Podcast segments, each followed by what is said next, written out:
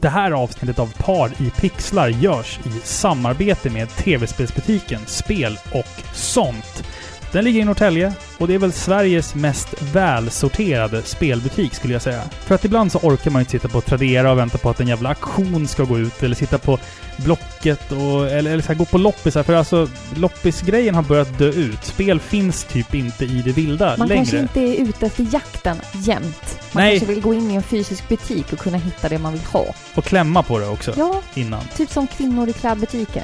Ja, känna på, Ja. känna på materialet liksom. Eller hur? Det är viktigt det där. Och bara det faktum att det är en fysisk spelbutik som finns kvar. Alltså, bara häromdagen så var jag i en galleria eh, Mm. och gick med stadiga steg mot en spelbutik som jag vet alltid har funnits där. Och nu var det ett par månader sedan jag var där och det var helt igenbommat. Och det är liksom en stor kedja Ja. och den var helt borta. Så jag bara, "Hå, vad, vad gör jag nu liksom? Nej, jag klarade mig ju, men Mm. det är så tråkigt för att sådana här butiker bara slår igen, en efter en. Men inte spel och sånt. Nej men vi drar en lans för spel och sånt Ja. här nu. Jag tycker det. Det är kudos till dem alltså. Finns i Norrtälje eller på spelosont.se. Jajamän.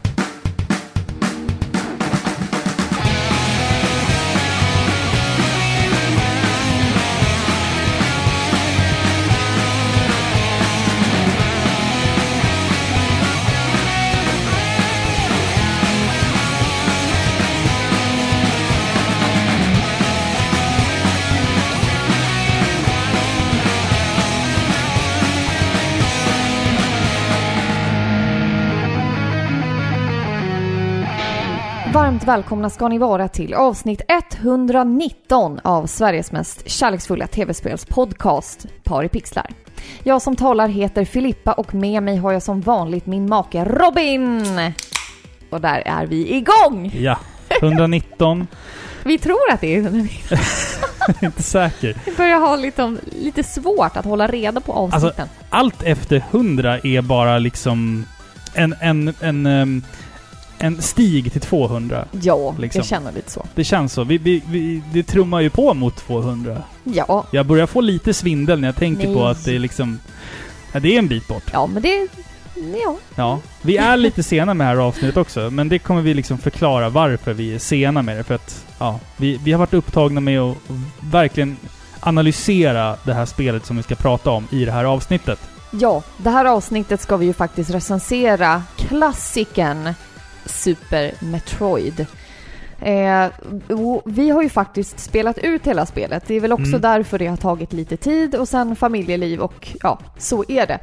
Mm. Men det har ju hänt, eller vi kan ju börja med att fråga hur du mår. Titta Eh, vad duktig oj, jag oj, är! oj, det finns en första gång. Du hinner Eller före mig och Ja. frågar mig hur... Du, Wow! Eh, jag mår väl... Jag mår väl helt okej. ja, Det är upp, Skönt höra upp och ner Ja. lite då och då. Men... Ja. Ja det, och det är jättemånga som har hört av sig och så här, jag är jättetacksam för det. Och eh, det är kul att eh, folk bryr sig.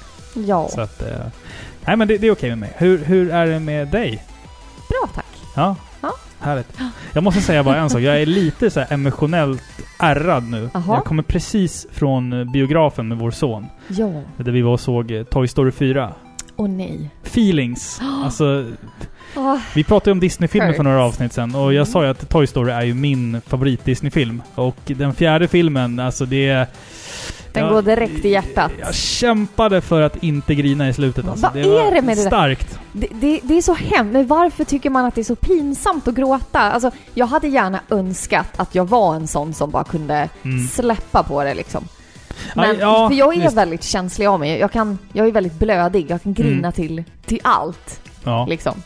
Precis. Ja, men Till du, reklamer. Jag kan liksom titta på någonting i fem sekunder och bli tillräckligt emotionellt påverkad att ja, jag du, liksom du, kan tårar. grina, du kan grina åt en schamporeklam typ. Ja, om den är tillräckligt sorglig så. Nej men Toy Story, Toy Story 4 den, den var bara så stark. Eh, Ja. Och jag, jag har tänkt på den hela eftermiddagen här nu. När Ja. jag har suttit och gjort annat. Så att det, ja, men det, det är en fantastisk bra film. Jag vill bara slänga Ja. in en rekommendation. Speciellt till er som har liksom barn. Alltså gå, gå och se den här filmen. Missa inte det här. Jag kan alltså, gråta till alla Disney-filmer. Det finns ju Ja. liksom en sån här grej att typ så här tjejer ska träffas och gråta till Disney-filmer. Är det, så- är det liksom en grej ja, alltså? ja, men det, så långt kan inte jag gå. Jag kan, inte, jag kan liksom inte se en film med målet att jag ska gråta i slutet. Mm. Det är hemskt liksom. Men vadå, alltså det är alltså en, en, att, att kvinnor eh, möts upp i olika sällskap med alltså syftet Jag att gråta? känner inte folk som gör så här. Det är Nej. väl mer bara en så här, det kanske är en så här nidbild av oss kvinnor att vi brukar göra det. Men jag har liksom hört att Mm. folk gör det tillsammans, att de sitter och bölar till typ Disney-filmer då. Ja, det är lite så ritual, som, som, en kräftskiva typ. Nej men Alltså, typ, det är väl kanske skönt att få släppa loss. Ja. Inte släppa loss och slå klackarna i taket. Och då är Disney-filmer det ultimata medlet att... Ja, få ut eller typ så tråkiga romcoms. Ja. Förstår du? Romantiska komedier. Vad fa- favorit romantiska Jag komedi? avskyr romantiska komedier. Ja. Det är min eh, hatgenre inom Ja, det är film. min med också. För att jag tycker att det är så fruktansvärt tråkigt och blekt. Ja. Nej, det är beige. Jag tycker Love actually är lite rolig. Eller förtjänar jag att liksom Men, hängas nu? nej men vadå? Alltså, det är väl alltså- en romcom? jo, men bara för att den heter romantisk komedi. Det är det som är så dumt. Ja. Den kanske heter romantisk komedi, men den är ju inte för den skullen Nej. rolig. Nej, precis. Jag sitter ju inte och skrattar hysteriskt åt dem. Nej men det är, att man ska, det är att man ska gråta men ändå le samtidigt. det är Ja, liksom och de meningen. hamnar i lite lustiga situationer, typ. Ja. Det finns en kärleksfilm som kanske, den är inte, det är ingen eh, komedi så, men romantiskt drama. Mm. 500 Days of Summer. Oh, Den är bra. stark film. Den är stark för att den är oförutsägbar. Jösses vilken bra film Den det är är. skitbra tycker jag. Och just att den berättas icke-kronologiskt Ja. och att den går, just att hon heter Summer och att hela liksom filmens, eh, hur den är upplagd Mm. är efter årets säsonger. Ja. Det gillar jag. Vad heter han, huvudpersonen, eh, skådespelaren? Och det är han som var med i Tredje klotet från solen Som också. även är med i Inception. Ja. Ja. Eh, Eh, Har... har, har nej, någon, Jason... Jason Lewitt någonting. Eh, Jason Gordon-Lewitt. Ja, Jason Eller Gordon-Lewitt. någonting. och sen, Eller Josh? Ja, nej. nej. Jason. Någonting. Ja, Ja. eh. Josh Gordon. Nej, jag vet inte. Han i alla fall. Han ser lite halvasiat ut. Ja. Och fantastiska Zoe Deschanel. Fan Ja. vad, vad fin hon är. ja. Alltså, söt, Ja. söt tjej. Galet. Eh, men det är inte det vi ska prata om. Vi, vi innan, Ja, vi går in, innan vi pratar om Super Metroid tänkte jag bara så här avverka några grejer. Först och främst, eh, paripixla.se är uppe. Ja.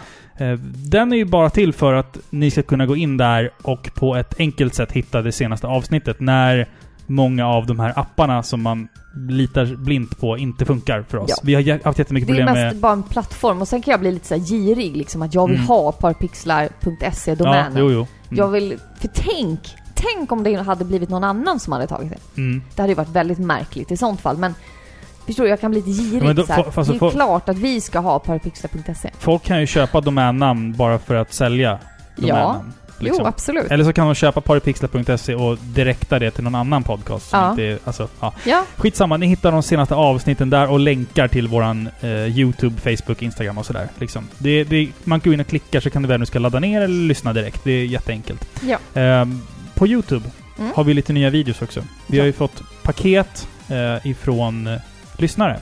Mm. Och eh, ja, där kan man gå in och titta. Gå, gå, Ja. in, gå in på YouTube och sök på Paripixlar. Skickar ni oss grejer så gör vi, om vi kan, om vi har möjlighet så gör vi en unboxing. Ja, exakt. Så att skicka oss allting förutom... Skicka oss grejer! Skick, skicka oss det är inte allting förutom bajskorvar. Och, och bomber. Helst Nej, men det, det började med att någon ville skicka oss någonting någon gång och sen så har det liksom blivit en kul grej att det är Ja. kul att se reaktionen på... Nej, men vi är alltså, jättetacksamma såklart. Absolut, Det, det är absolut. skitkul alltså. Verkligen. Vi hade ju faktiskt en lyssnare i vårt hem för några veckor sedan. Ja, precis. Vår lyssnare Björn var, var, hade liksom rest till, till Gotland. Så att, att stanna hemma hos oss var ju liksom på vägen, så att Ja. säga. Så han kom hit och eh, vi hängde lite och eh, vi drack... Supertrevligt. Supertrevligt, verkligen. Ja. Absolut. Absolut. Och sen fick vi gotländskt kaffe också. Ja. Det, där har ni oss. Då har ni... eh, Nu glömde jag bort vad ordet heter. Skitsamma. Ja, D- det är rätt i vårt hjärta. absolut. Ja. Absolut. Så det var jättekul att ha Björn här. Ehm, och det är väl typ det som har hänt nu på senaste tiden, det här med Ja. paripixlar.se, vi har lagt upp lite YouTube, vi har haft en lyssnare på besök. Det är mycket som har hänt. Liksom. Absolutely. Känner du dig redo att efter det här pappaskämtet börja prata om Super Metroid, Filippa? Kanske, jag vet inte. Ja. Vad heter det när man får ett mail ifrån en tjej? Den här är så enkel. Nej, jag vet inte. Female. Nej. Jo. Den var ju tråkig. Nej, okej. Ja. Okej. Ska vi, ska vi, okej, vi, vi drar igång där alltså. Okej. Okej. Nej, nu är det dags. Ja, Super Metroid. Alltså anledningen till att vi skulle göra ett Super Metroid-avsnitt var att vi nåddes av en nödsignal ganska nyligen som vi fick eh, hem. Precis. Till, till, den, den liksom slog ut våran TV och våran, våra datorer och våra iPads och våra mobiler. Och det enda vi kunde liksom höra var den här nödsignalen. Så vi spelade in den och så tänkte vi vi spelar upp den för er nu.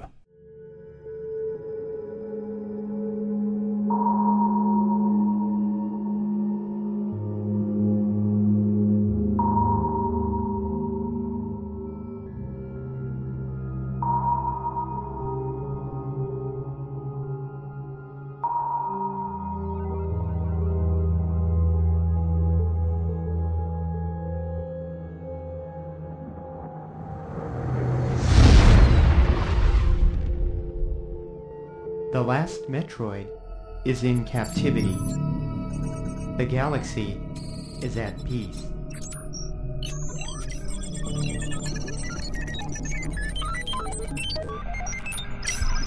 Mitt första möte med Metroiderna var när jag stred mot dem på planeten Sebes. Det var även där som jag satte stopp för rymdpiraternas ledare Modehjärnan och hennes planer att störta den galaktiska civilisationen. Mitt andra möte med meteoriderna var på deras hemplanet, SR-388, där jag tillintetgjorde samtliga livsformer utom en. Jag valde att tillfångata och bevara den sista av sitt slag, ett nyfött meteoridfoster. Jag bevittnade när denna primitiva livsform kläcktes ur sitt ägg. Den följde sedan efter mig som ett vilset barn. Jag hade inte hjärt att döda den.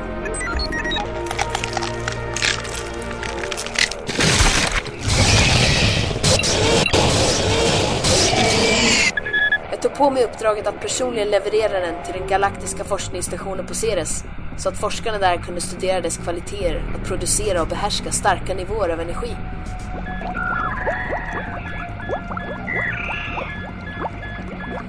Forskarnas upptäckter var häpnadsväckande.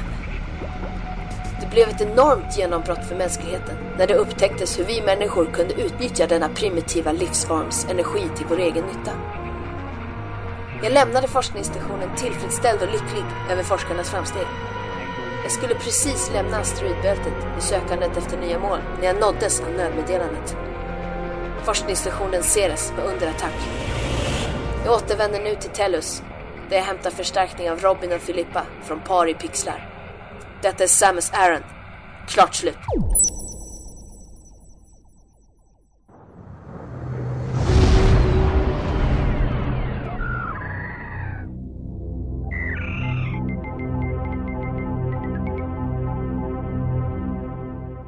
Det är inte varje dag man får en nödsignal från Samus själv. Nej, det var, det var ganska häftigt faktiskt. Ja, det, Ja, det, så nu har vi liksom inget val. Nej, nu är, nu- Vi, nu är vi in the mood Ja, för det här.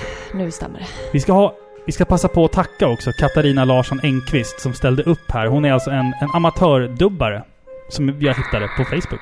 Fantastisk. Jättekul Ja. och jätterolig och bra insats. Som ger liv åt den här karaktären. Ja, Nu är vi ju in the game. Nu är vi nu i är känslan. vi i stämning för det här. exakt, exakt. Ja, På videospelsklubben.se så länkar vi till hennes YouTube-kanal så kan man ju...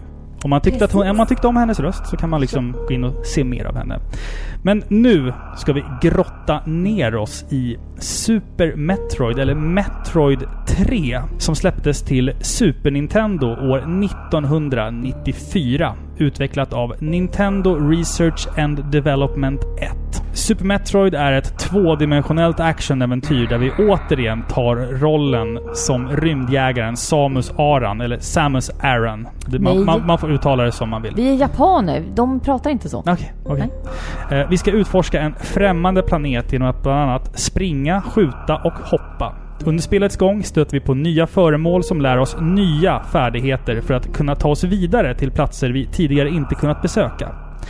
Super Metroid är inget linjärt spel utan låter dig utforska stora områden helt på egen hand. Och kör du fast och inte kan ta dig vidare av en eller annan anledning så är det dags att backtracka för att se om du kan hitta en annan väg. Eller om du har missat något på en tidigare plats du besökt. Planetens klimat varierar med allt ifrån ogästvänliga grottor till alien-tempel, kraschade rymdskepp och undervattenslabyrinter fulla av sand och lera. Under spelets gång stöter vi på både vänliga och ovänliga rymdmonster samt en del bossar. Ska du förtydliga handlingen? För det finns ändå ganska mycket handling i Super Metroid. Ja, även om man kanske kastas rätt in i spelet så finns det ju faktiskt en ganska djup bakgrundshistoria. Det här är ju precis som du sa, det tredje spelet. Så det har ju hänt en hel del grejer både innan och under vad ska man säga, händelserna mellan tvåan och trean då. Efter de turbulenta händelserna på planeten SR388 lämnar prisjägaren Samus Aran den hemska platsen tillsammans med den enda metroiden som finns kvar. Och det är alltså en nyfödd alien-bebis som hon har bestämt sig för att skydda till varje pris. Och i slutet av då det andra spelet, Metroid Return of Samus, så får vi se hur hon lämnar den här Metroiden i händerna på några forskare på forskningsstationen Ceres. Och de ska lyckas alstra den här enorma mängd energin som Metroiden avger. Men dock så får hon inte andas ut särskilt länge. I början av det här spelet ser vi hur en räddningssignal från stationen får henne att återvända tvärt. Och till hennes stora förfäran hittar hon de hjälpsamma forskarna, alla döda, och Metroiden stulen. Efter ett kort stunds letande så möter hon sin svurna fiende från de tidigare spelen, Ridley, bärandes på Metroiden. Det blir ett kort och intensivt möte innan han tar till flykten och Samus tvingas fly ett förstört Ceres. Och när hon landar igen är det på en välkänd plats. Men något har ändrats sedan Samus sist lämnade planeten Sebes. Den plats där hon i första spelet besegrade rymdpiraterna och den fruktade modehjärnan. Men väl tillbaka, nu på jakt efter den sista metroiden, inser hon att detta inte var det sista hon såg av sina ärkefiender och att kampen mot modehjärnan bara har börjat. Mm, spännande. Spännande! Otroligt spännande. Otroligt spännande! Vi, jag tycker vi stannar där vi är nu. I Ja. introt på spelet. Vi får se den här coola introsekvensen med den här storyn liksom som, som skrivs med grön text Ja. framför det. Och vi får se Samus liksom genomskinliga ansiktsmask då. Ja, Eh, otroligt stämningsfullt. Och så får man se det här labbet liksom. Mm. Introt sätter stämningen. Du kommer till den här forskningsstationen där allting levde nyligen. Liksom. Alla människor var vid liv och sådär. Nu är det så här.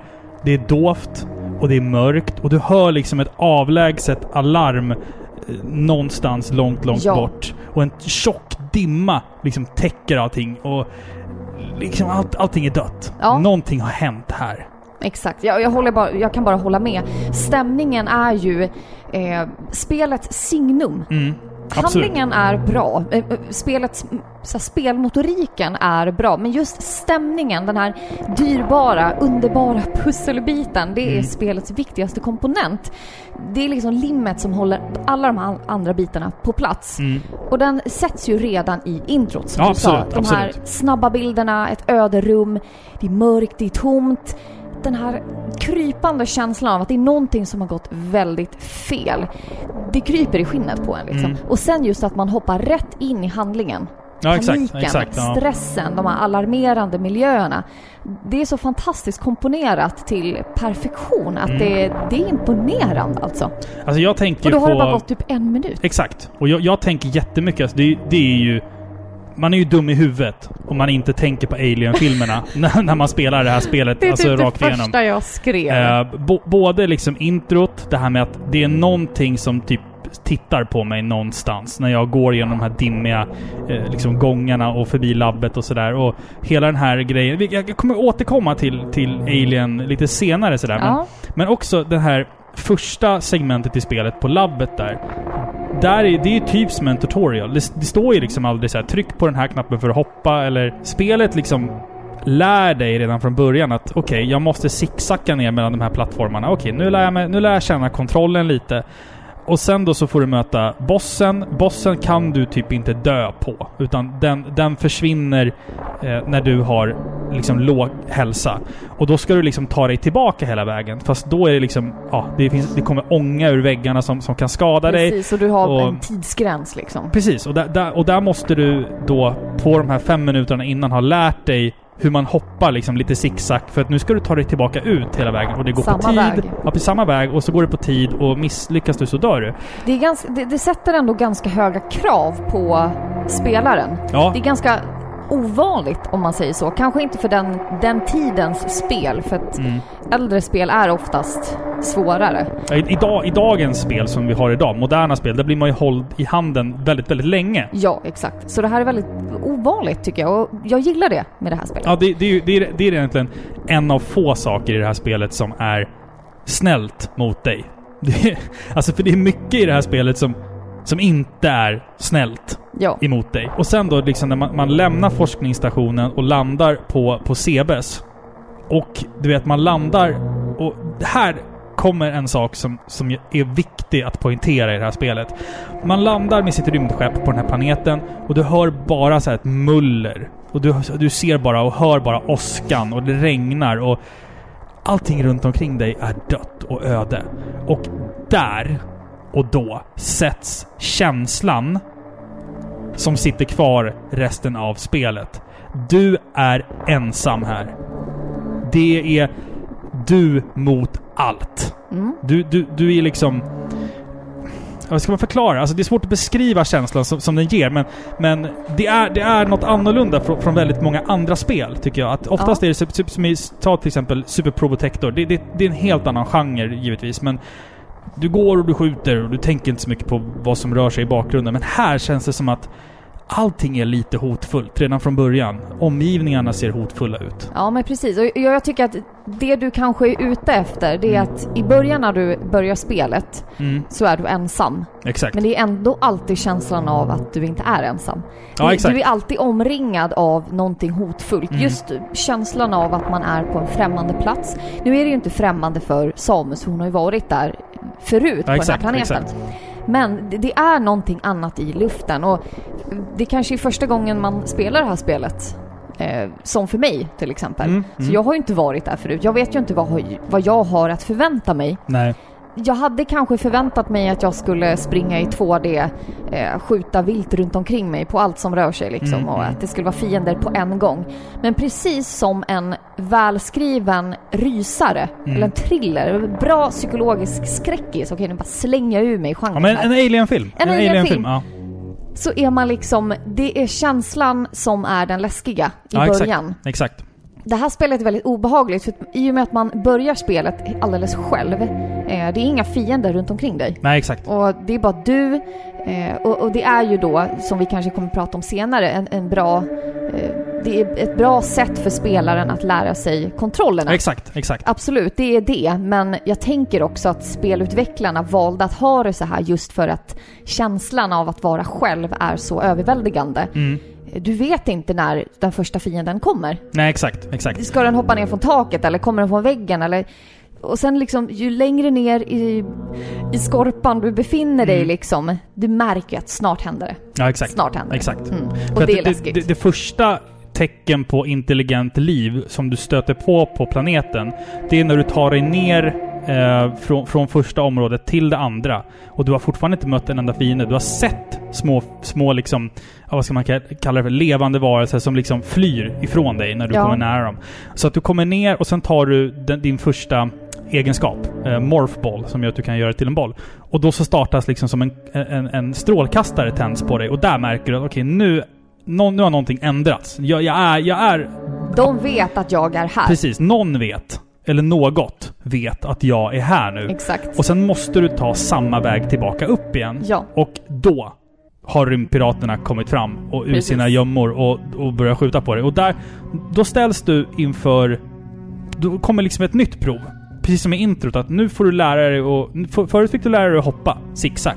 Nu måste du lära dig att skjuta och hoppa och ducka och rulla och grejer. Precis. Och sen när du kommer upp därifrån, då liksom börjar spelet typ på riktigt. Ja. Lite grann.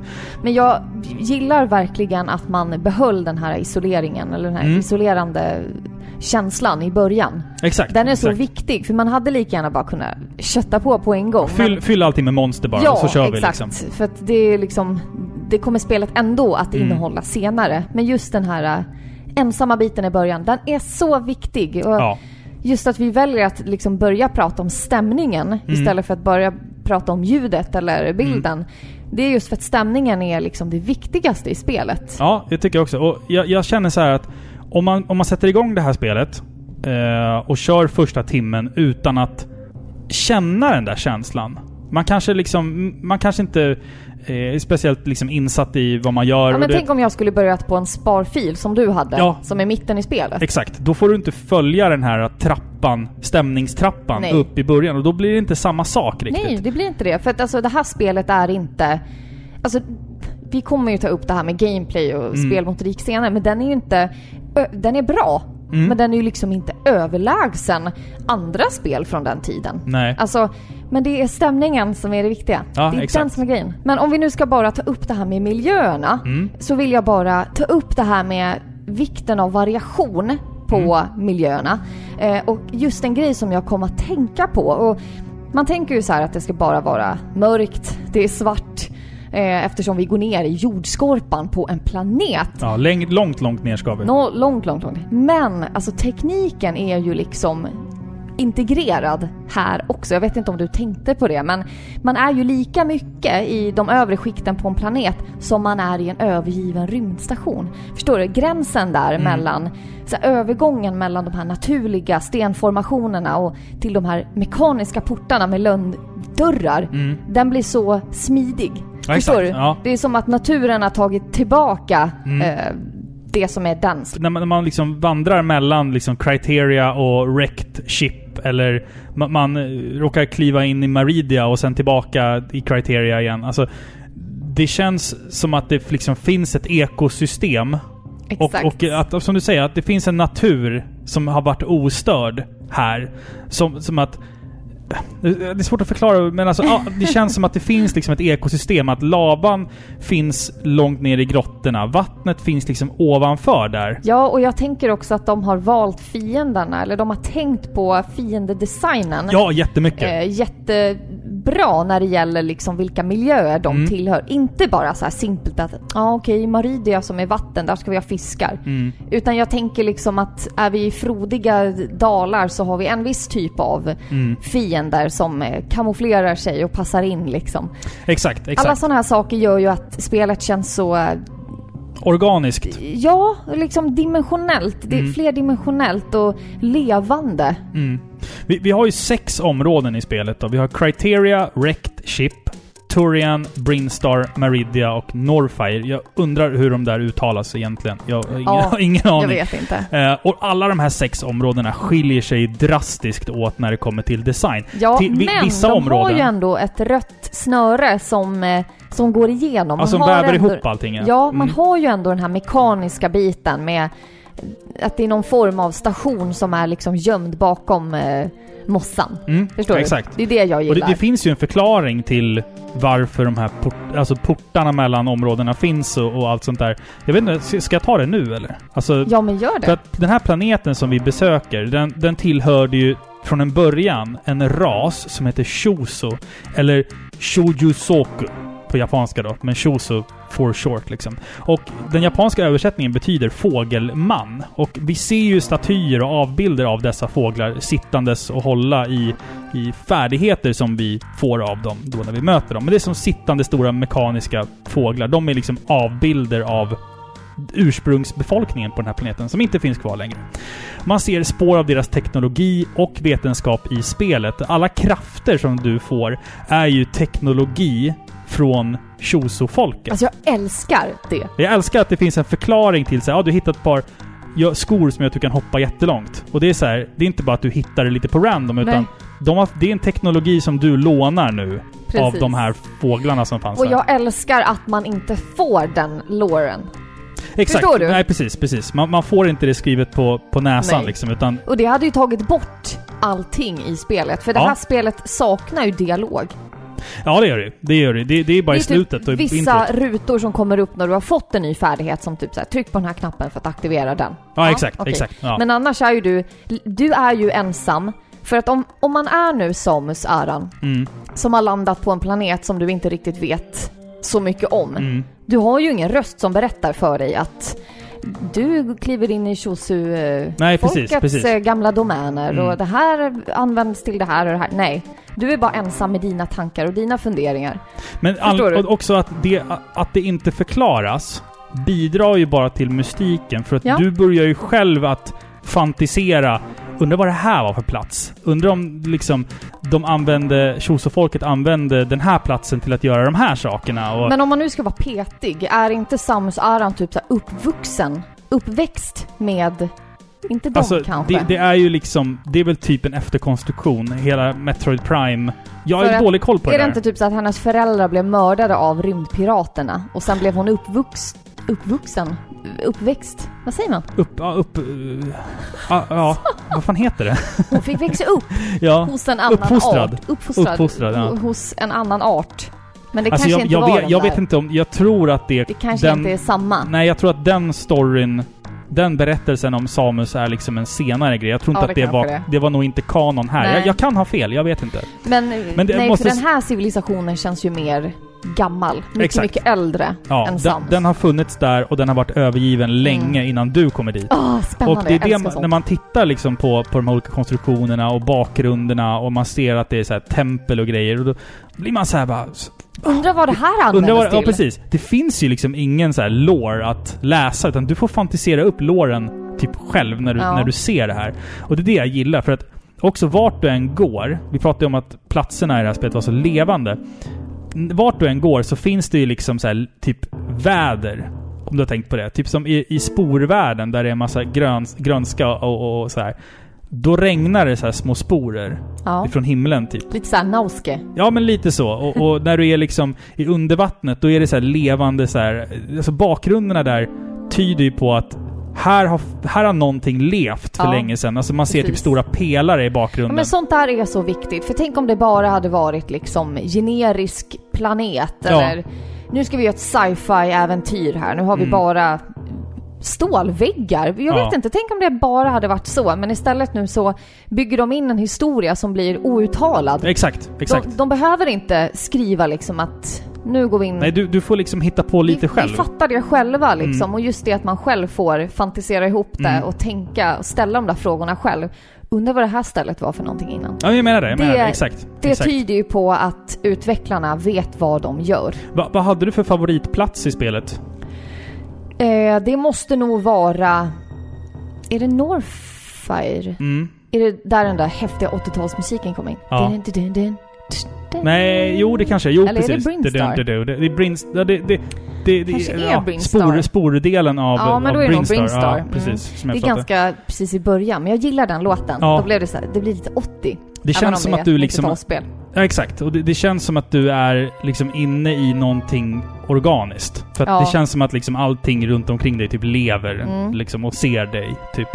Jag gillar ju eh, Maridia väldigt Åh, mycket. jag avskydde Maridia. Jag, jag hatar gameplay aspekten av Maridia. För det är väldigt mycket använda grappling hook, bemästra wall jumps och, och skit sådär. Men jag gillar liksom just den här musiken som ligger i bakgrunden som är så Ja. himla ambient bara. Musiken som spelas i Maridia, jag tror att de flesta har hört den låten. Det är det jag skulle vilja ha i mina öron om jag var fast på en sjunkande ubåt någonstans långt ut i oceanen typ. Nej men fy, Då skulle jag lyssna. Om, om, jag- om jag liksom var på en ubåt som så här, okej vi kommer sjunka och vi alla kommer dö. Då Då, spelas då, det... då skulle jag... Da, da, ja, precis. Nej, jag Då, då skulle jag haft den i... Nej, inte, inte den från Titanic. Då skulle jag haft den här um, liksom från, från Super Metroid, Ja. Maridia-låten, när jag sjunker ner mot Ja. sjömansgraven, mot Davy Jones locker. Ja, just Då, det. då skulle jag lyssnat på den Så låten. att det känns ännu sämre liksom. Ja, exakt, exakt. Nej, jag gillade inte Maridia, men det är, det är inte för att det inte är vackert och det är inte för att det är dålig musik, utan det var för att det var svårt. Exakt, exakt. Men en annan aspekt på det här med utseende och presentation är ju faktiskt animationerna. Mm. Och då tänker jag att just Samus är ju liksom praktexemplet på det är ju liksom huvudkronan Mm. på det här spelets bästa animation. Mm. De är otroligt avancerade och noggranna. Så Samus animation när hon hoppar Ja. och snurrar, den Mm. är ju fantastisk. Eh, eller typ när hon hoppar in mot väggen och vänder sig om för Ja. att studsa iväg. Ja. Den lilla animationen, den är ju så lätt att missa. Mm. Men den är så snygg. Men sen just det där med, du nämnde de här rörliga animationerna i bakgrunden. ja, de, är, de gör så mycket för Ja. spelet alltså. Om vi nu tar Maridia nu till Ja. exempel. Alltså att man ser att det är vatten. Att det är strömt bakgrunden Ja. och att det rör sig liksom. Ja, Vå- ja vad vågar? det är Super Nintendo. Alltså Ja. det, det är imponerande att de fick det så bra. Jag förstår inte hur man gjorde det här. För att det, jag har spelat så mycket Super Nintendo-spel och lava ser alltid ut som, som lava och vatten ser alltid ut som liksom, ja, 2D-vatten. Men i Super Metroid så, när man är typ i, i um, lava-delen av kartan och bakgrunden är så här, um, du vet som varm asfalt på sommaren, att, den så här, att det är så här suddigt. Ja, Så, så känns det ju. Det, det känns Ja, varmt ja. på riktigt när du är där. Man börjar svettas typ. Exakt. Och det, det känns mörkt och djupt när du är i Maridia. Alltså, och det är för att bakgrunderna är dynamiska. Ja. Det finns alltid någonting som rör sig. Som, som gör att du reagerar på bakgrunden och inte bara så här Exakt. generisk bakgrund. Nej. Utan det är så här, Inte så här rött. nej rött. Nej. Mm. Det är lava. Det, utan, det, finns, det finns så många olika sätt att göra lava på i 2D-spel. Men här så får man alltid känslan och uppfattningen av att det är varmt och Ja. det är djupt här. Ja men de Och- lyckas ju få en 3D-effekt, en, en verklighetskänsla fastän det är 2D. Ja, Liksom. det finns Och inte- det det finns inga andra- mig imponerande. Det alltså. finns inga andra spel från den här tiden som gör det här Nej. så bra som, Nej. som Super Metroid gör det. det är, jag fattar inte hur de gjorde det. Nej. För att det, det är med så enkla medel som de ger dig en känsla. Det är liksom säkert inte enkla medel, för jag skulle ändå vilja säga att det är ganska avancerat. Alltså att Ja, de lyckas. så, absolut. Alltså, för att man ska kunna få en känsla i ett spel, det är ju mer än bara utseende. Alltså det, Mm. och om vi nu bara pratar utseendet så har de ju lyckats perfekt. Absolut. Men eh, det var ju lite om presentationen. Vi, vi, är, vi är överens om också att egentligen alla platser i, de här, i det här spelet är liksom på något sätt läskiga, stämningsfulla och bara jävligt främmande. Men en annan sak som är viktig när man just talar om stämningen i det här spelet, en annan liksom pusselbit som bygger upp det här, det är ju faktiskt ljuden. Ja. Eh, musiken, eh, effekterna liksom. Miljöerna tillsammans med just musiken och bakgrundsljudet är ju liksom hörnstenarna i stämningen. Mm. Och ljud, det, det har en sån förmåga att påverka en och inom citationstecken sätta stämningen. Det säger man ju liksom. Mm. Och vad är då musiken och ljuden i Super Metroid? Jo, vi har liksom dystopiska, futuristiska, elektroniska melodier som redan från början på ett väldigt otryggt och obehagligt sätt håller en i strypgrepp i ett spänt läge Mm. genom hela spelet. Ja, alltså det, musiken sätter ju en otrolig stämning. Det känns verkligen som att man har lagt ner tid på att matcha musik med miljö. Att man har, att Ja. det, det är inte bara så att en kompositör har gjort liksom 10-12 låtar och bara så slängt in dem lite på random, utan... Det är ett noga samarbete. Ja, precis. Det är ett noga samarbete uppenbarligen. För att det, det, det, det finns ju melodier, men ofta så är det ju mer så här tjocka ljudmattor med Mm. en ambience. Och sen är det en liten liksom enkel melodi på det. Och vilken låt som än spelats så känns det ju bara hotfullt. Ja, exakt. Alltså- man, man känner sig inte bekväm. Nej, precis. Tack vare den här melodiska bakgrundsmattan Mm. så känner man sig inte riktigt bekväm. Och jag, jag kan tänka mig så här, hade man spelat spelet eh, utan ljud Mm. så hade det inte varit samma sak. Nej, nej, du har tappat 50% av känslan. Man måste ha alla de här medierna. Mm. Förstår du? Man måste se det, man måste höra det, man måste liksom... Man måste vara där. Mm. Alla de här delarna liksom syr ju Ja. sömmen för Super Metroid-känslan. Mm. Och sen framåt slutet på spelet, den låten som spelas liksom när du är på väg emot ehm, ja, sista bossen. Alltså där känner man ju verkligen i musiken att nu är det... Nu, nu, nu tror jag det börjar bli dags här liksom. Verkligen. Eh, och alla, alla liksom musikstycken innan det, alltså, är ju... Spe, alltså speciellt eh, Meridia. Jag, kan, jag, kan, jag kommer liksom inte ifrån Meridia, Nej, men, men... den är skitbra. Ja, den är är- obehaglig och, och du och jag har ju lyssnat på en pianoversion av den Mm, låten mm. och den är, den är så vacker. Ja, den visst. är riktigt Den är bra. så enkel också. Det är inte direkt några superavancerade liksom Mozart. Fast jag tycker, den- ja nej den har ju inte det. Den, det är ju inte, så- det är inget så här arpeggio som spelar fram och tillbaka Mm. liksom. Eh, och vi pratar mycket om att det är så ambience, Mm. men det är ändå melodier. Ja, Och jag vill det liksom ändå poängtera det, att det här Mm. spelet har ändå ordentliga melodier Mm. som ändå läggs fram på, ja men ett liksom ett, eh, ett vad ska man säga? Ja, men ett alltså, ja, sätt. alltså att sitta och prata om, om det här spelet är liksom... det är som att sitta och beskriva känslor. Alltså det, det, det, det går liksom Man inte känner sig riktigt. väldigt flummig. Man, man måste sätta sig ner och... Ni som och, vet, ni vet. Ni som vet, ni vet. Och liksom, man måste sätta sig ner och spela spelet och ta in, ta in det. Låt, låta det... Ja, precis. ja. Låta dig ta in intrycken. För då, då ser du och känner det här sambandet mellan bakgrund, eh, fiendedesign och musik och ljudeffekter. Du får liksom hela spektrat. Mm. Och det, det, är sån, det, är så, det är så jävla genomtänkt. Ja, Alltså, så att ja, mu- musiken så. matchar varje område i spelet helt perfekt. På något märkligt sätt så har de liksom fått till det. Ska vi köra ett pappaskämt och sen... eh, Ja. nu, nu, nu liksom, nu, nu- säger jag att nu kommer pappaskämt. Ja, men men ja, okej. så, så, Mm. så är det i alla fall. Eh, nu har jag en fråga till dig. okej. Vem mördade Olof, Olof Palme? Palme. Ja. Jag vet vem som mördade Olof Palme. Berätta. Det är så enkelt alltså. Aha. Det står precis vid gravplatsen. Sköts av kyrkovaktmästaren. Jätteenkelt. Mystery solved. Eller hur? Kalla mig, Bra. kalla In- mig för... Inte sköts. N- nej. Eller? Sköts. Jo, av, sköts. Sköts av kyrkovaktmästaren. Ja. Varför Ja. köpte bisvärmen en massa isoleringsmedel istället? Nej, jag vet inte. De hade tröttnat att leva på bidrag. Ja. Bidrag. Åh! Oh, den är dålig. Ja, jag har lite svårt att skratta. Ja, vi ska köra lite Super Metroid-musik och jag tänkte vi, vi bjuder på en remix. Vi har ju en god vän Ja. som, som är en spel-remixer. Heter det så? Spel? Att man är... Nu heter det det. nu heter det spel... Han är en spel-remixer. Mm. Han heter Hyde209 och finns på YouTube och Bandcamp. Ja, ni kan gå in på videospelsklubben.se och så hittar ni honom där i avsnittsbeskrivningen. Han har gjort en suverän Super Metroid Tribute. Så jag tänkte att vi kan... Vi, vi lyssnar på den här och bara så här sjunker djupare Längre in. ner i fördärvet. Ja, Ja. och snart ska vi prata om gameplay. Så vi, vi hörs om en liten stund igen. Ja.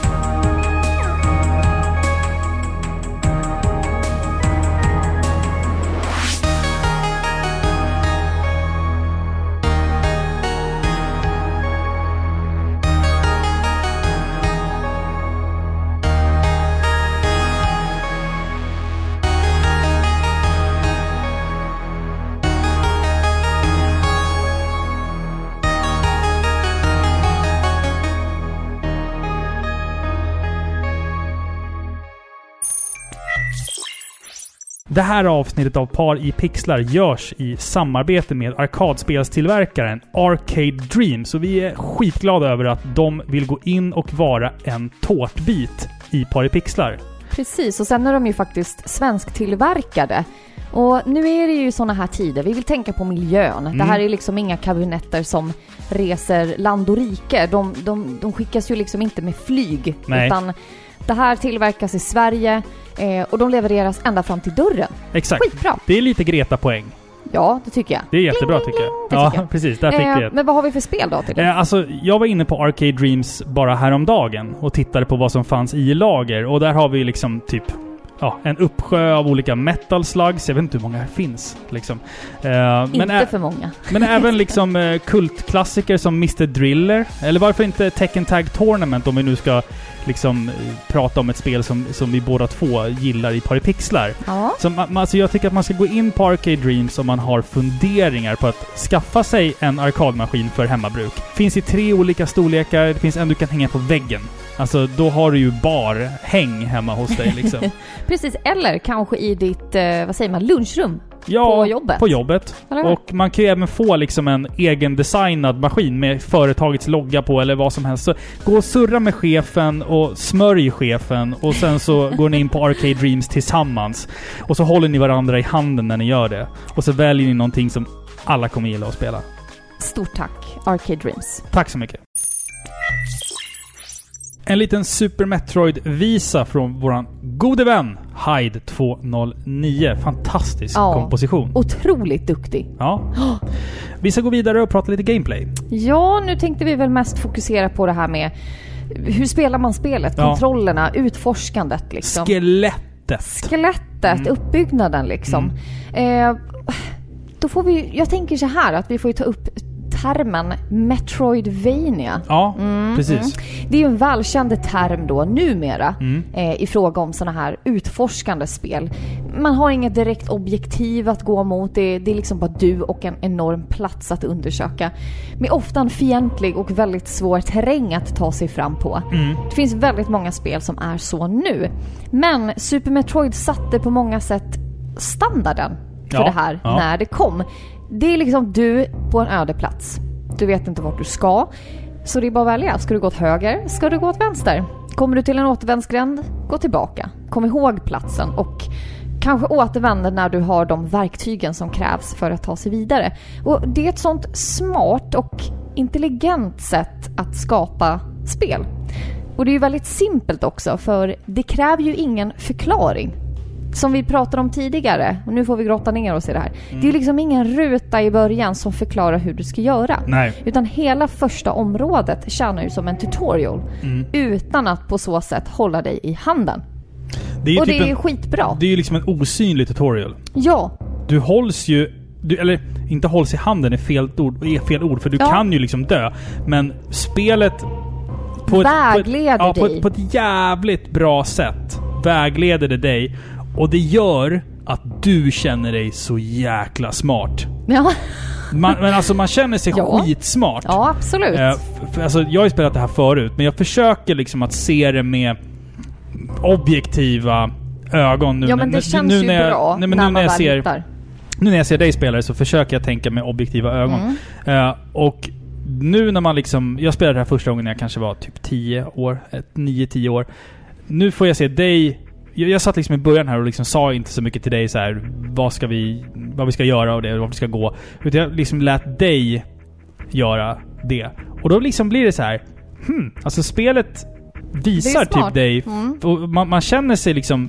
Man blir belönad så här, Man bara 'Fan vad duktig jag är' Fast Ja, Fast man blir handhållen, fast man inte liksom... Ja, i början är det ju man, så. man blir vägledd. Ja, liksom. i början blir du vägledd Ja, och det, exakt. det är det som jag tycker är väldigt smart, väldigt intelligent sätt att, att skapa sådana här spel på. Ja, mm. Men sen när du väl, när det väl startar på riktigt, Mm. då blir du inte vägledd. Nej, exakt. Eh, nej, och nej. där befinner ju du dig i den här stora världen som Mm. är som ett stort nät. Eller man kan säga så här, det är som ett pussel eller varför inte en labyrint? Nej, en labyrint är en Kan ganska bra jämförelse. Där du egentligen får ta dig fram på måfå. Mm. Du får känna dig för liksom. Mm. Lite pö om pö. Kommer du till ett ställe där du inte kan ta dig vidare, nej, då är det backtracking som gäller. Det, det man också... skulle egentligen haft typ en anteckningsbok ja, men det, det ska du- man ha. När man spelar där här. du kan anteckna vilka rum som du inte får liksom eh, Mm. glömma bort. Kartan visar ju liksom att rosa rummen har du varit i, de blåa rummen har du inte varit i. Eller en Ja. blå liksom fyrkant. Det kan vara en, liksom, ett visst parti av ett rum som du inte har undersökt liksom. Men, men är, det, är det rosa, då har du varit i den liksom... Precis, då är det de, liksom de färdig- koordinaterna har du, de koordinaterna Ja. har du besökt. Exakt. Mm. Men det kan fortfarande finnas saker i rummet som du inte har Sett. tagit. Ja, exakt. Ja, ja, exakt. absolut. Visst, visst. Eh, Men jag tycker ändå att nivån på det här spelets svårigheter, Mm. inte svårigheter med att ta sig fram eller liksom döda fiender, Mm. för det är en helt annan eh, liga. Ja. Men när det gäller liksom att lösa gåtorna, My, ja precis. Ja. mm, så tycker jag att den var ganska jämn och inte för svår. Mm. Faktiskt. Och Nej, det men- kändes precis. bra. Mm. När jag hade, liksom så här, vi säger att jag kom, hade kommit till en återvändsgränd och jag hade ba- backtrackat, jag hade fått en ny förmåga. Mm. Då visste jag på en gång, då kanske jag hade tre vägar som jag eh, Exakt. skulle ta. Ja. Just det, den där vägen kan jag gå och just det, den där kan jag ta. Men det, Det, är... var inte så många tillfällen som man liksom famlade i mörkret. Men visserligen så spelade jag ju tillsammans med dig Mm, och du har ju mm. spelat det så jag kan tänka mig att utan dig så hade jag nog haft eh, Några timmars problem. mer. Ja, Några timmar, lägg på några Ja. timmar. Men annars, rent överlag liksom, så tycker jag att svårigheten när det gäller pussel... Eh, pussel Var, vart ska jag gå? Vart ska jag Liksom, gå? Ja. Så Det- var det inte supersvårt och det uppskattas. Det är två tillfällen i spelet där man är lite förvirrad på vart man ska gå. Ja. För att då är det så en liten obskyr gång du ska rulla igenom Jo, men till det ett är rum. inte Simons Quest. Sätt dig Nej. ner i en halv minut Nej, det- och det är vänta på att en vind kommer och för bort Det är, inga, dig. det är inga så liksom Nej. obskyra saker. Och, och själva konceptet med ett Metroidvania också, det är ju liksom ett smart sätt att återanvända ehm, rum som du tidigare har varit i. Ja. Och, och, och alltså, du återanvänder rum. Ja, för, att- för, att, för att skapa fler timmar gameplay. Mm. Och det är faktiskt ett väldigt smart koncept, tycker jag. Mm. Alltså att just det här med Metroidvania, att du, åter, du återanvänder Nej, men du platser. menar typ ett rum jag besökte för fem timmar sedan. Mm. Nu kan jag göra en ny grej i det rummet. Exakt. Med Eller den här nya förmågan. undrar om den här grejen funkar bra till den här Mm. grejen. För det tyckte det såg lite konstigt ut uppe i Ja. det där hörnet där uppe. Nu ska jag testa den här raketen där. Och så funkar det. Så då hittar du någonting nytt. Om vi säger att det liksom inte fanns några låsta dörrar eller någonting och du skulle bara gå från liksom... Du skulle gå från där du startade till sista bossen och bara plöja rakt fram. Då skulle du ju klara spelet på typ en timme. Ja, Men i och med att det är låsta dörrar, hemliga vägar, du måste ha liksom diverse olika färdigheter för att kunna liksom hitta vissa andra föremål. Då, då, då är det ju många timmar till som adderas. och fatta vilket slöseri då på bakgrund. Om man bara får se ett rum en gång.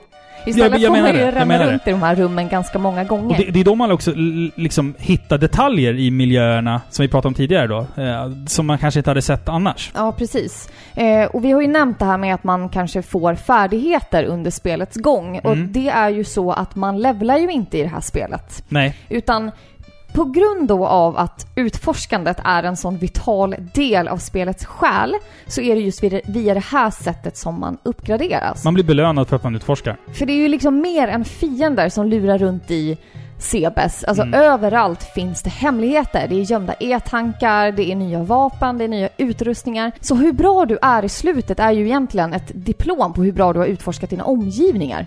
Förstår du? För Absolut, kör du absolut. fast på ett ställe och inte kommer någon vart, men ta upp kartan. Du har nog säkert liksom missat en plats. Du har garanterat Mm. en plats som du inte har besökt på Exakt. två timmar. Och plockar du mycket extra energitankar och liksom mer raketer så kommer du ha ett lättare endgame i slutet. Ja, Eh, exakt. Du, du, Så det är bra att utforska. Ja, det är bra att utforska och även om en, en, du tänker på ett rum där du liksom säger den där grejen såg konstig ut. Alltså det är inte dumt att gå tillbaka dit och undersöka varje gång. Smälla av en raket Ja, eller Skjut en någonting. raket extra eller liksom... Alltså det är värt det för att när du möter slut... Eller när du möter liksom slutbossarna i spelet så är varenda raket räknas. Och det känns så tillfredsställande när man väl hittar någonting. Det spelas till och med en trudelutt Mm. som är så här positiv. Ja. Den, allting går i dur. Jaha, jag trodde lutten går i dur ja. Den går i dur. Mm, ja, till skillnad från ja. spelets andra mollmelodier. Allt är dystert så känns det som att yes! ja. Jag är ett steg närmare liksom slutet nu. Och vissa av de här raketerna, eller liksom extra föremålen, är gömda på riktigt obskyra. Det kan vara ett helt random rum. Ja. Rakt upp i taket så Ja. finns det en, en extra mm, liksom fem sex missiler. Och då kanske man kommer till det här rummet väldigt tidigt i spelet Mm. och bara hur, hur i hela friden ska Ja, jag kunna ta den här? Det går ju inte. Nej. Men så spelar du några timmar till och du får en ny förmåga som Ja. gör att du kan typ göra superhopp. Exakt. säger vi. Ja. Ah, den kanske... Så bara, nej, inte ska, eh, inte ska jag använda den där heller. Mm. Jo, det ska du. Men jag, jag minns att när jag var liten, då... Alltså för, att, för just det här du pratade om anteckningsblock och så här. Att jag har för mig att vi typ gjorde... Att vi, vi höll upp en, en smördeg. Du vet som du har på bakplåtar eh, när du ska baka bullar.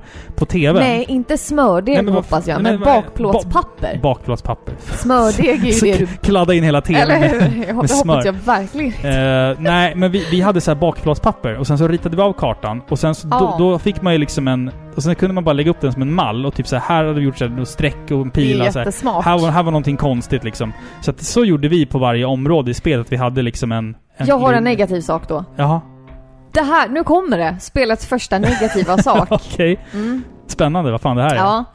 Att man inte kan... I menyn Ja, så får ju du upp en karta på området du är i. ja, Jag hade gärna velat kunna bläddra mellan de Ah. olika områdena. exakt. Ja. Det är bara en pytte, pytteliten detalj, men Mm. det gör att det, det hade gjort en stor skillnad. Nu Absolut. istället så måste man ju springa till det området för Mm. att kunna... Eller så googlar man en karta.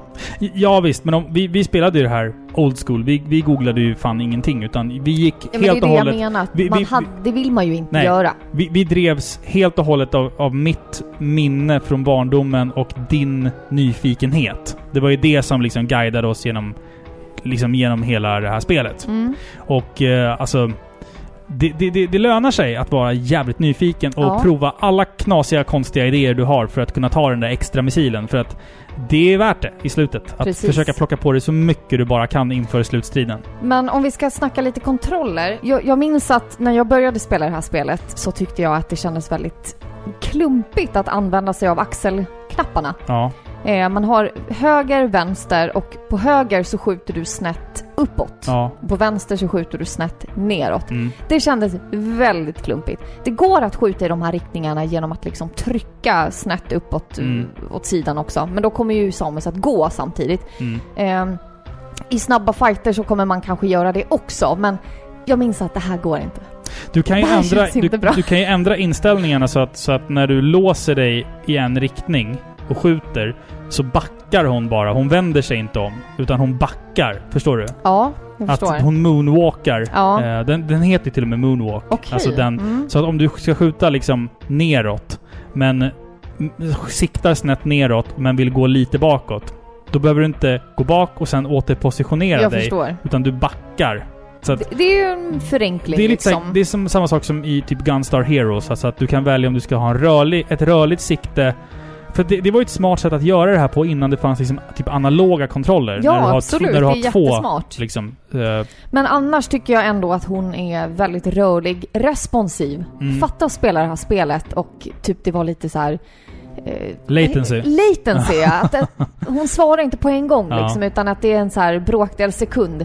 Det hade ju inte gått. alltså, Alla de här nej. små mikrohoppen man måste göra. Mm. Shit vad jag sög på dem alltså. Det är ju Det svårt. hamnar ju gapen på de där varelserna hela tiden. Det, det är svårt att spela det här spelet om du typ spelar på en sån här Retron 5 där du har en typ liten, liten latency. Mm. Du ska ju spela det här egentligen på alltså en Ett gam- Super Nintendo. en Super Nintendo med en gammal TV eller typ en sån här SNES Mini. Där har du liksom så liten latency du kan, Ja. du kan tänka dig. Ehm, jag tycker kontrollerna fortfarande, trots alla dessa år av nötande, är svåra. Jag har, jättes, jag har fortfarande extremt svårt med walljumping. Ehm, Ja, tack! det, det, och det roliga är så här att walljumping i det här spelet, alltså du ska zigzacka mellan väggar då som, som Mega Man X är mästare på. Det är någonting som spelet efter ett tag kräver av dig. ja. Men...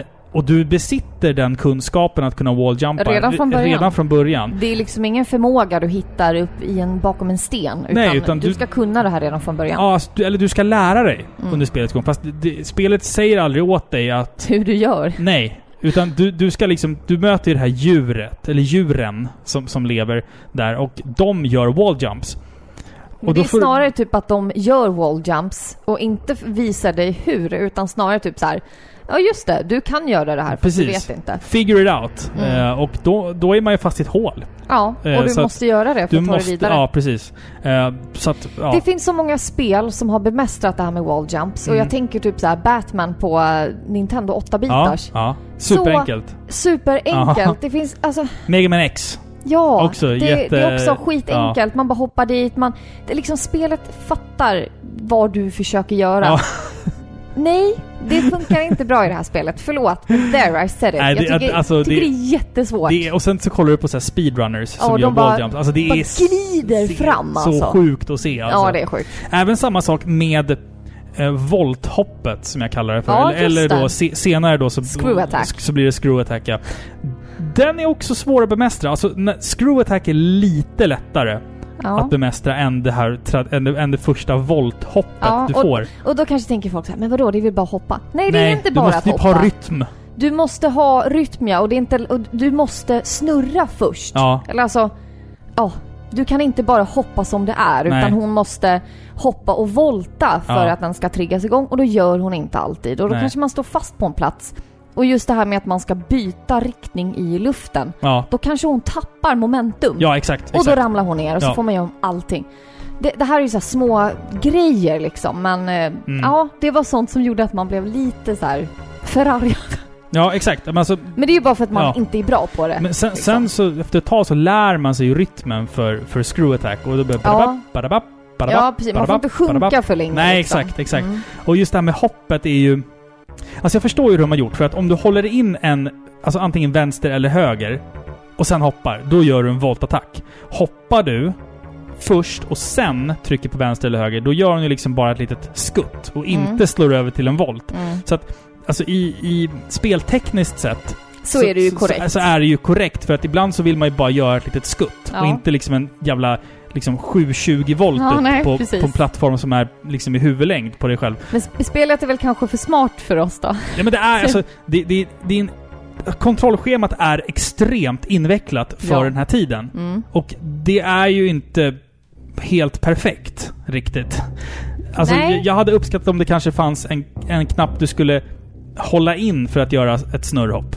Alltså, Ja. om du förstår. Man ska hålla in L eller R eller... Fan, det finns ingen Z-knapp på en, på en, på en SNES-kontroll. Men Eller nå- typ bara sånt. så här att hon, hon hoppar och snurrar varje gång hon hoppar. Förstår du? Och att Ja. den hoppet blir längre om du håller in knappen. Det är många spel som har så. Ja, exakt. Alltså, det, det är olika liksom. Hon kan röra sig och kontrolleras på många olika Mm. sätt. Bemästrar man inte dem så kan man stöta på vissa svårigheter i spelet. Ja, exakt. Så kan man ju säga. Exakt.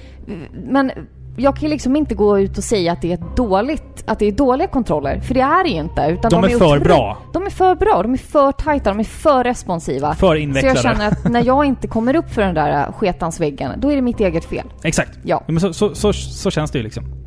Men jag hade ju önskat att de var lite mer typ såhär, okej jag fattar att hon vill ta sig upp från väggen, så jag kommer, jag kommer göra det lättare nu. Spe, spelet ska ha ett medvetande som, ja, liksom, en AI liksom. som, som hjälper det. Nu förstår jag att nu Ja, vill men hon typ. ta sig upp från det där hålet där. Mm. Så att, Typ. Men eh, vi är ju inte ensamma på den här platsen. nej, vi är ju inte det. Det frodas ju av otäcka och inte så otäcka Ja, varelser. planeten är ju hem åt en mängd olika varelser. Vi har Mm. skalbaggar och larver och det är blommor och växter och alla som är utrustade med sin egen variation av försvarsmekanismer. Mm. Men sen har vi ju de här inkräktarna också. Mm. Rymdpiraterna, det är ju typ en ras ödleliknande Ska, aliens alltså, det ser ut som typ. gräshopper typ. Ja, tycker jag. typ. Ja, det gör de. Nästan. Som kommer då i en mängd variationer. Och Mm. Vissa är jätteenkla och vissa tar typ fem superraketer att bli av med. Mm.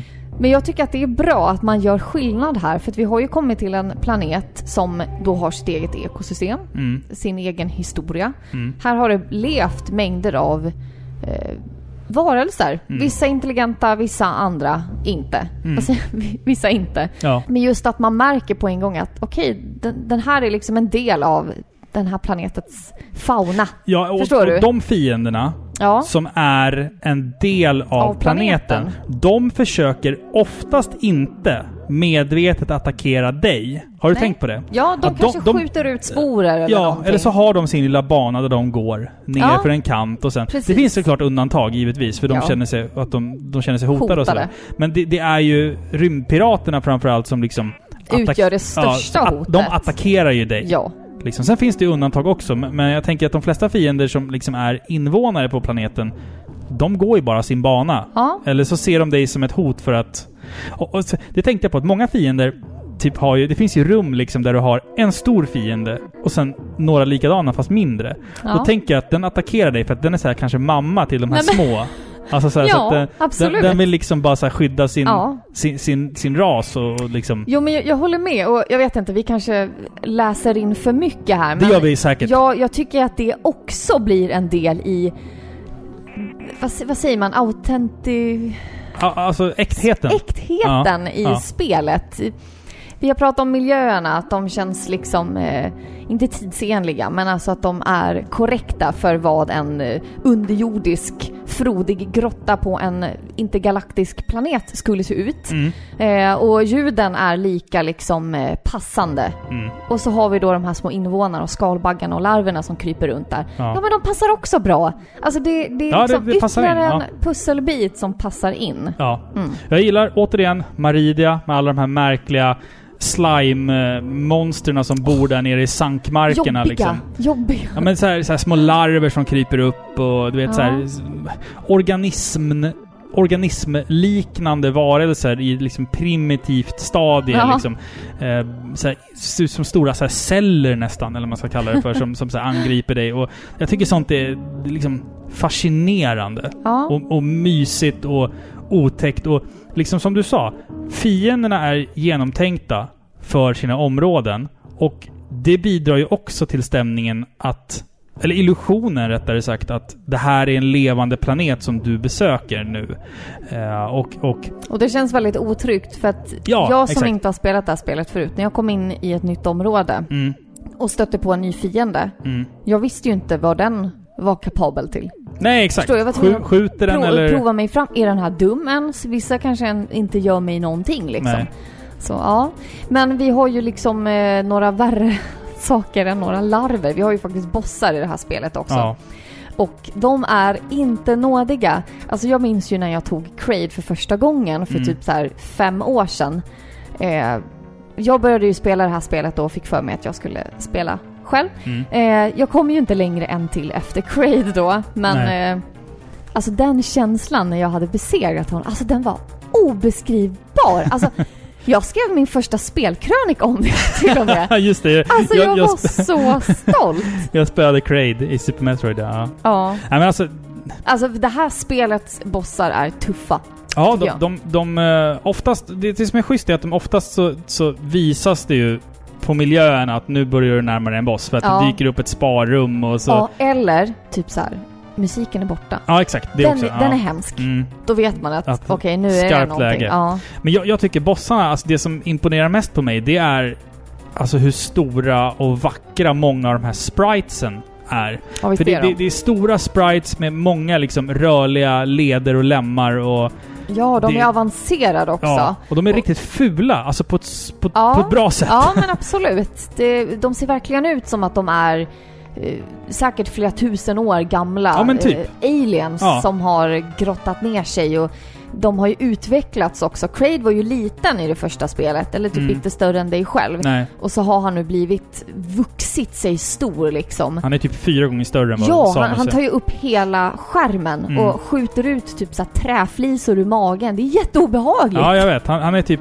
Han skjuter verkligen ut så här, så här taggar och grejer. Ja. Så Och så vrålar han. ja. Så här, "Rah!" han låter ju typ som nå Ja, men det är svårt ja att är så säga det vad de så är. ljud, De är Ljuddesignen är perfekt också Ja. för varje boss. Så att de, de gör ju sina skrik liksom, Mm. och när de blir träffade och grejer. Ja. Och det, är- det är så här... Det känns som att det är på riktigt på något Mm. sätt. Min favoritboss är, det är lätt den under vattnet. Eh, Dra Dragon med, med sina ungar som kommer fram där. Eh, och du slåss emot den under vattnet i typ en stor typ så här, Det ser ut som en så här undervattnisk eh, Jaha, den hangar där- typ. Menar du den här typ bläckfisken? Spök... N- nej, eh, inte, nej. inte Phantom. Utan det, det är den här som... Det kommer ut massa ungar och sen så ska du... Det finns ett sätt att döda den på. Det finns så här, eh, gun turrets. Eh, här, som sitter på väggarna och skjuter på dig. Skjuter du dem och sen då när bossen plockar upp dig så kan du skjuta din hookshot. Så på- att du elar den? Så att du elar den via dig själv. Du tar skada av den men bossen tar betydligt mer skada Ja. av den. Ja, fantastiska bossar. Alla är så varierande. Men och, ändå... och jävligt svåra. De är jättesvåra. Alltså du tog väl det här spelets... De flesta bossarna Du var så du. jävla arg. Ja, jag var du jättearg. för att du inte tog Ridley Du i behöver inte slutet. säga det, jag skäms du. Nej men du, Jag var du, var, du var så så nära. arg. Du var så nära på att ta Ridley och sen efter åttonde försöket då vart du så jävla sur. Bara, Spelar du? Spelar du? Nej men spelar du? Nej men det... Nej, men Ja, det alltså, och så jag, du det på första försöket. jag har ju spelat Ridley Alltså jag kände 800 mig gånger. så värdelös. Nej, det jag blev så här, göra. jag kommer sluta spela spel. För Det- jag, nej. jag suger ju på det här. Så känner jag. Alltså hade det inte varit att vi ska ha en liten tidspress och spela in den här podden så hade du ju fått försöka 200 gånger till. Alltså, det var ju det som jag gjorde när jag var liten. Jag Ja. försökte och försökte och försökte och försökte. Nej men Eh. ja, svåra bossar alltså. Ja, de- de- Riktigt de är svåra ju- bossar. De är ju faktiskt jävligt, spå, äh, Mm. jävligt svåra. En annan boss jag gillar det är även den här Spore Spawn som är tidig. Ja, en ja, tidig boss. ja. Det är ingen huvudboss utan det är typ en miniboss. Det är liksom som en stor så här, köttätande planta. Men du, den tänker jag så här, den är ju ingen rymdpirat. Nej, den är ju invånare. Är ju, där dödar ju du alltså planetens invånare. Ja, för rummet blir ju så här, Det är grönt och grönskar, Mm. sen blir det så brunt när du dödar. Undrar vilka som är, det finns det säkert ett svar på, vilka som är en del av den här fientliga inkräktar rymdpiraterna. Jag tror att... Creed är ju ingen invånare. Nej, Craid är nog den enda. eh, som jag har fått för mig. Jag tror att de andra inte... Jag tror att de andra är liksom en del av... Nej, Ridley Planeten. inte. Nej men Ridley och... och men jag tror Craid är nog en del av...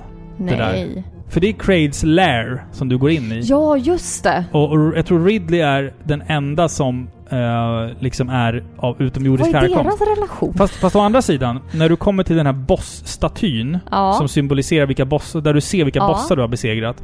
Då är ju alla de här med och då är ju faktiskt Ridley med på Jag den. vet. Så Ridley kanske egentligen också är från den här planeten. Ja, Alltså, det, det vi egentligen inte. om du ser det på det här sättet så kanske vi bara är typ som en terrorist som bara kommer in och dödar alla. Vi, vi, jag, Eller jag, jag, jag har faktiskt skrivit en rad om det i min slutsummering Men av vem det är här det som spelet. säger att det är vi som är de goda? Ja, det, Vi, är ju en, eh, vad heter det, huvudjägare. Ja, det är Vi vi. är ju det. Ja. Kan, vi- kan vi också prata om det här när vi ändå är inne på, på, på Ridley? Har du tänkt på likheterna mellan Super Metroid och Alien 3? Ja. alltså, du är ju på en främmande planet, alltså för dig främmande planet. Ja, Alien och det 3. finns, det finns liksom en alien där i Alien 3. Och den har ju typ en känslomässig relation till Ripley Ja, i men- Alien. Ja. Och det har ju även eh, Samus i det här spelet med Metroiden som hon tar med sig dit. Mm. Alltså som, som under spelets gång, utan att du ser det, hinner växa och bli fullvuxen. Ja. Och ni har ju en relation. I slutet på spelet, nu kommer en liten spoiler för er som inte har spelat spelet.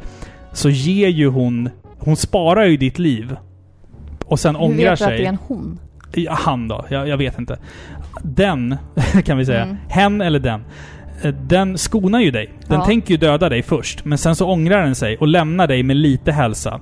För att den sen senare i spelet ska komma tillbaka lagom till sista bossen och ge dig all kraft Mm. och på bekostnad av sitt eget liv till och med. Men jag, jag tror inte så här att den ser mig och vill döda mig och sen ångrar sig. Det, det är väl snarare så här. Den attackerar mig för att den ser inte att det är jag. Mm. Den attackerar mig precis som för att den är ett djur liksom. Förstår du? Ja, Och sen in, känner den igen mig. den ångrar ju sig och ser Ja, dig den- som mamma. Ja, typ. den känner ju igen mig. Ja. Det är ju det. Och sen, sen, så får, sen så kommer den tillbaka senare och ger dig alla sina krafter. Och det är ju lite så här Alien Nej. 3... Jo men det är ju det. Det är ju Nej. det. Och lite Alien 2. Att det är mycket Alien i Men Metroid. du tänker på Alien 4 när hon får det där vita albino-alien-barnet. Ja, det är vidrigt alltså. Den är äcklig och den har näsa. Hur fan Hur man? kan man ge den en näsa?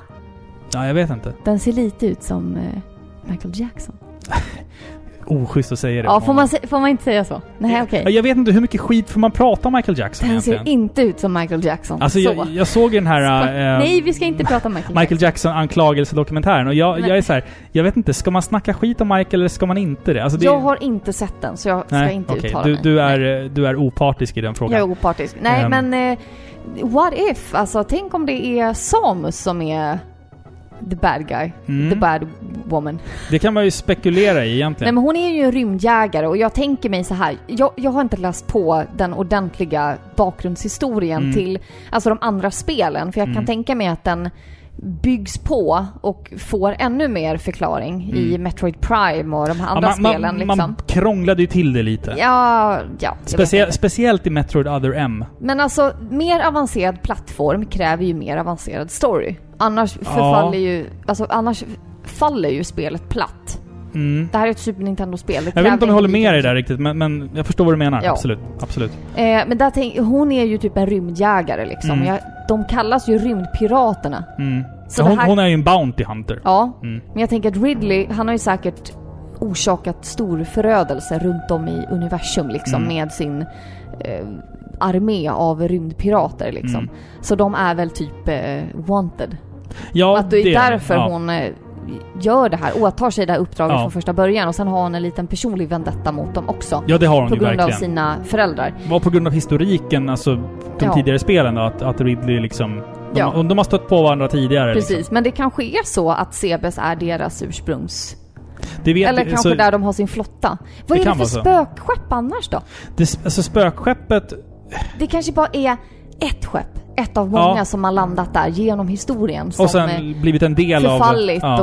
och liksom upp, sluk, slukats av planeten. För någonting har ju varit där. För att det, det, du möter ju i spökskeppet, som jag kallar det, så möter du ju spöken, typ. Mm. Eller så här alien-spöken.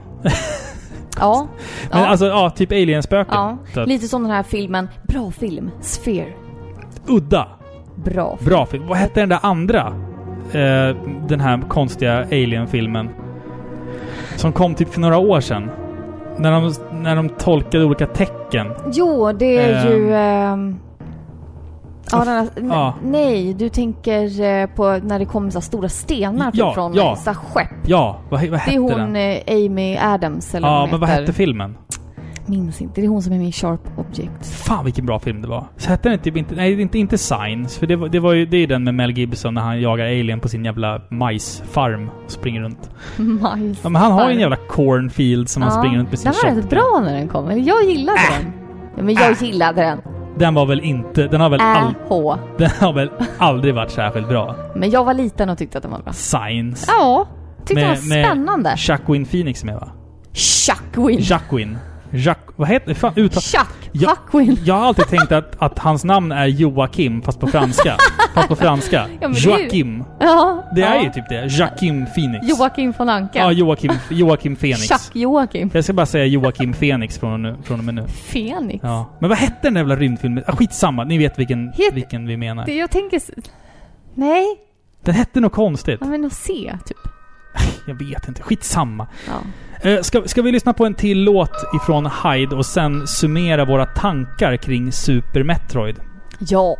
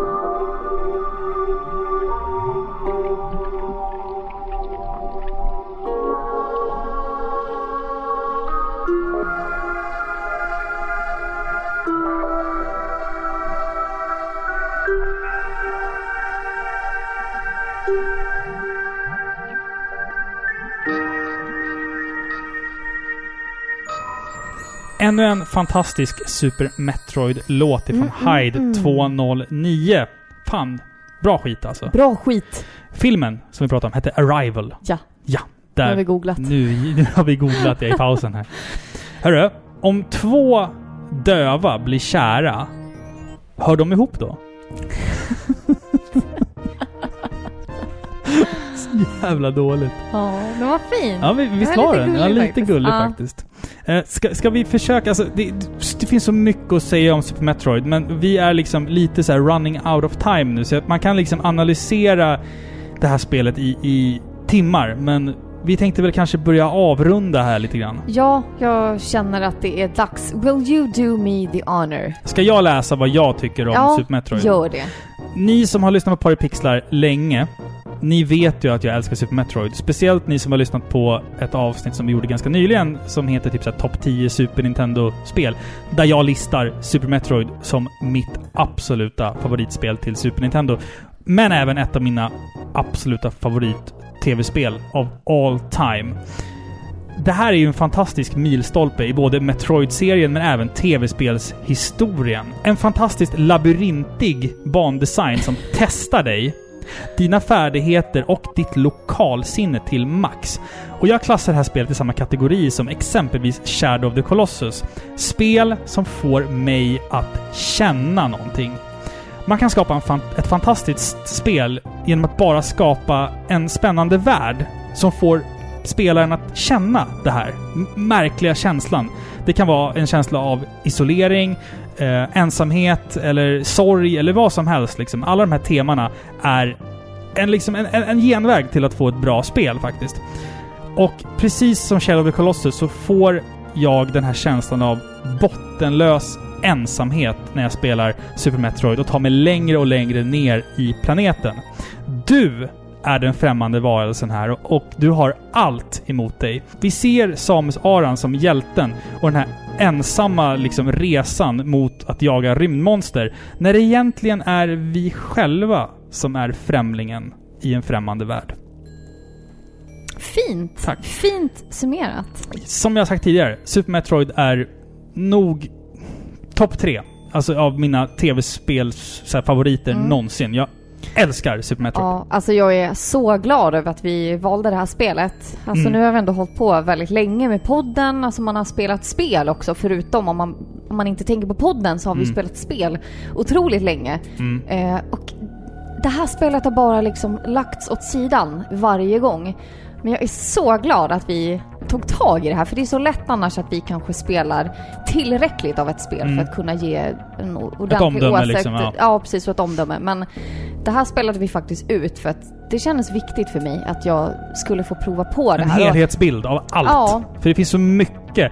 Och det, förlåt om jag avbryter, men det, det som jag känner att har varit liksom hindret till att göra ett avsnitt om Super Metroid.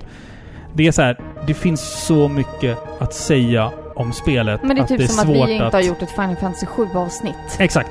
Det, jag, jag det, det, ens om- känns så stort Jag liksom. vet inte ens om det går Mm. att göra. Alltså typ, vi har, vi har gjort Shadow of the Colossus har vi gjort, som Ja. också är ett sånt där viktigt spel för, för, för mig och för dig.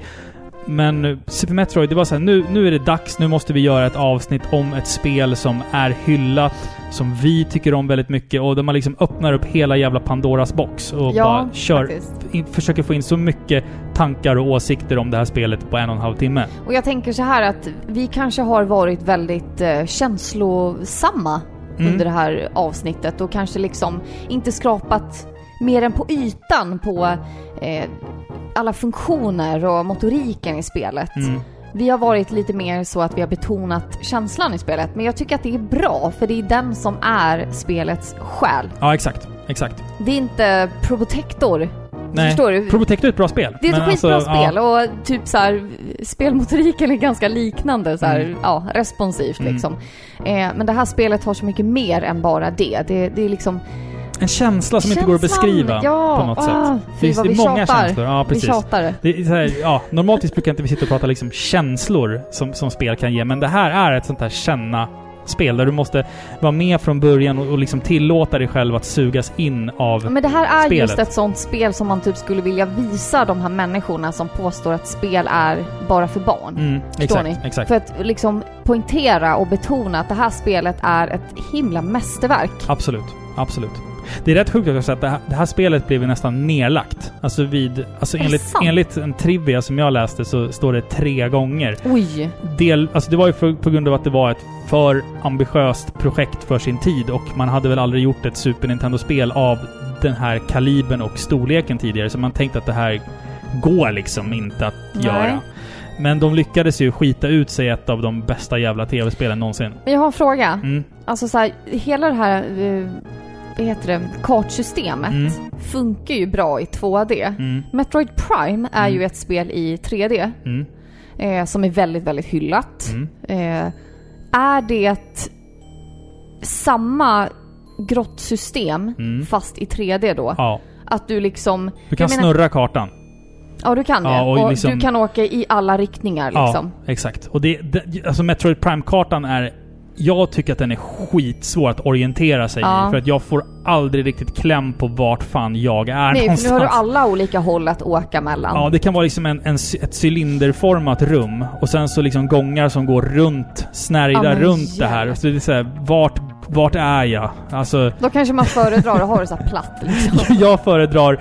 2D, eh, höger, vänster, upp, ner. Ja, Super Metroid, Castlevania Symphony of the Night. alltså 2D Metroidvania är the shit. Ja. tycker jag. Så ska vi, vi packar ihop säcken här och liksom konstaterar väl bara att Super Metroid förtjänar all pris och kärlek som Absolut. det får. Det är Absolut. ett fantastiskt spel.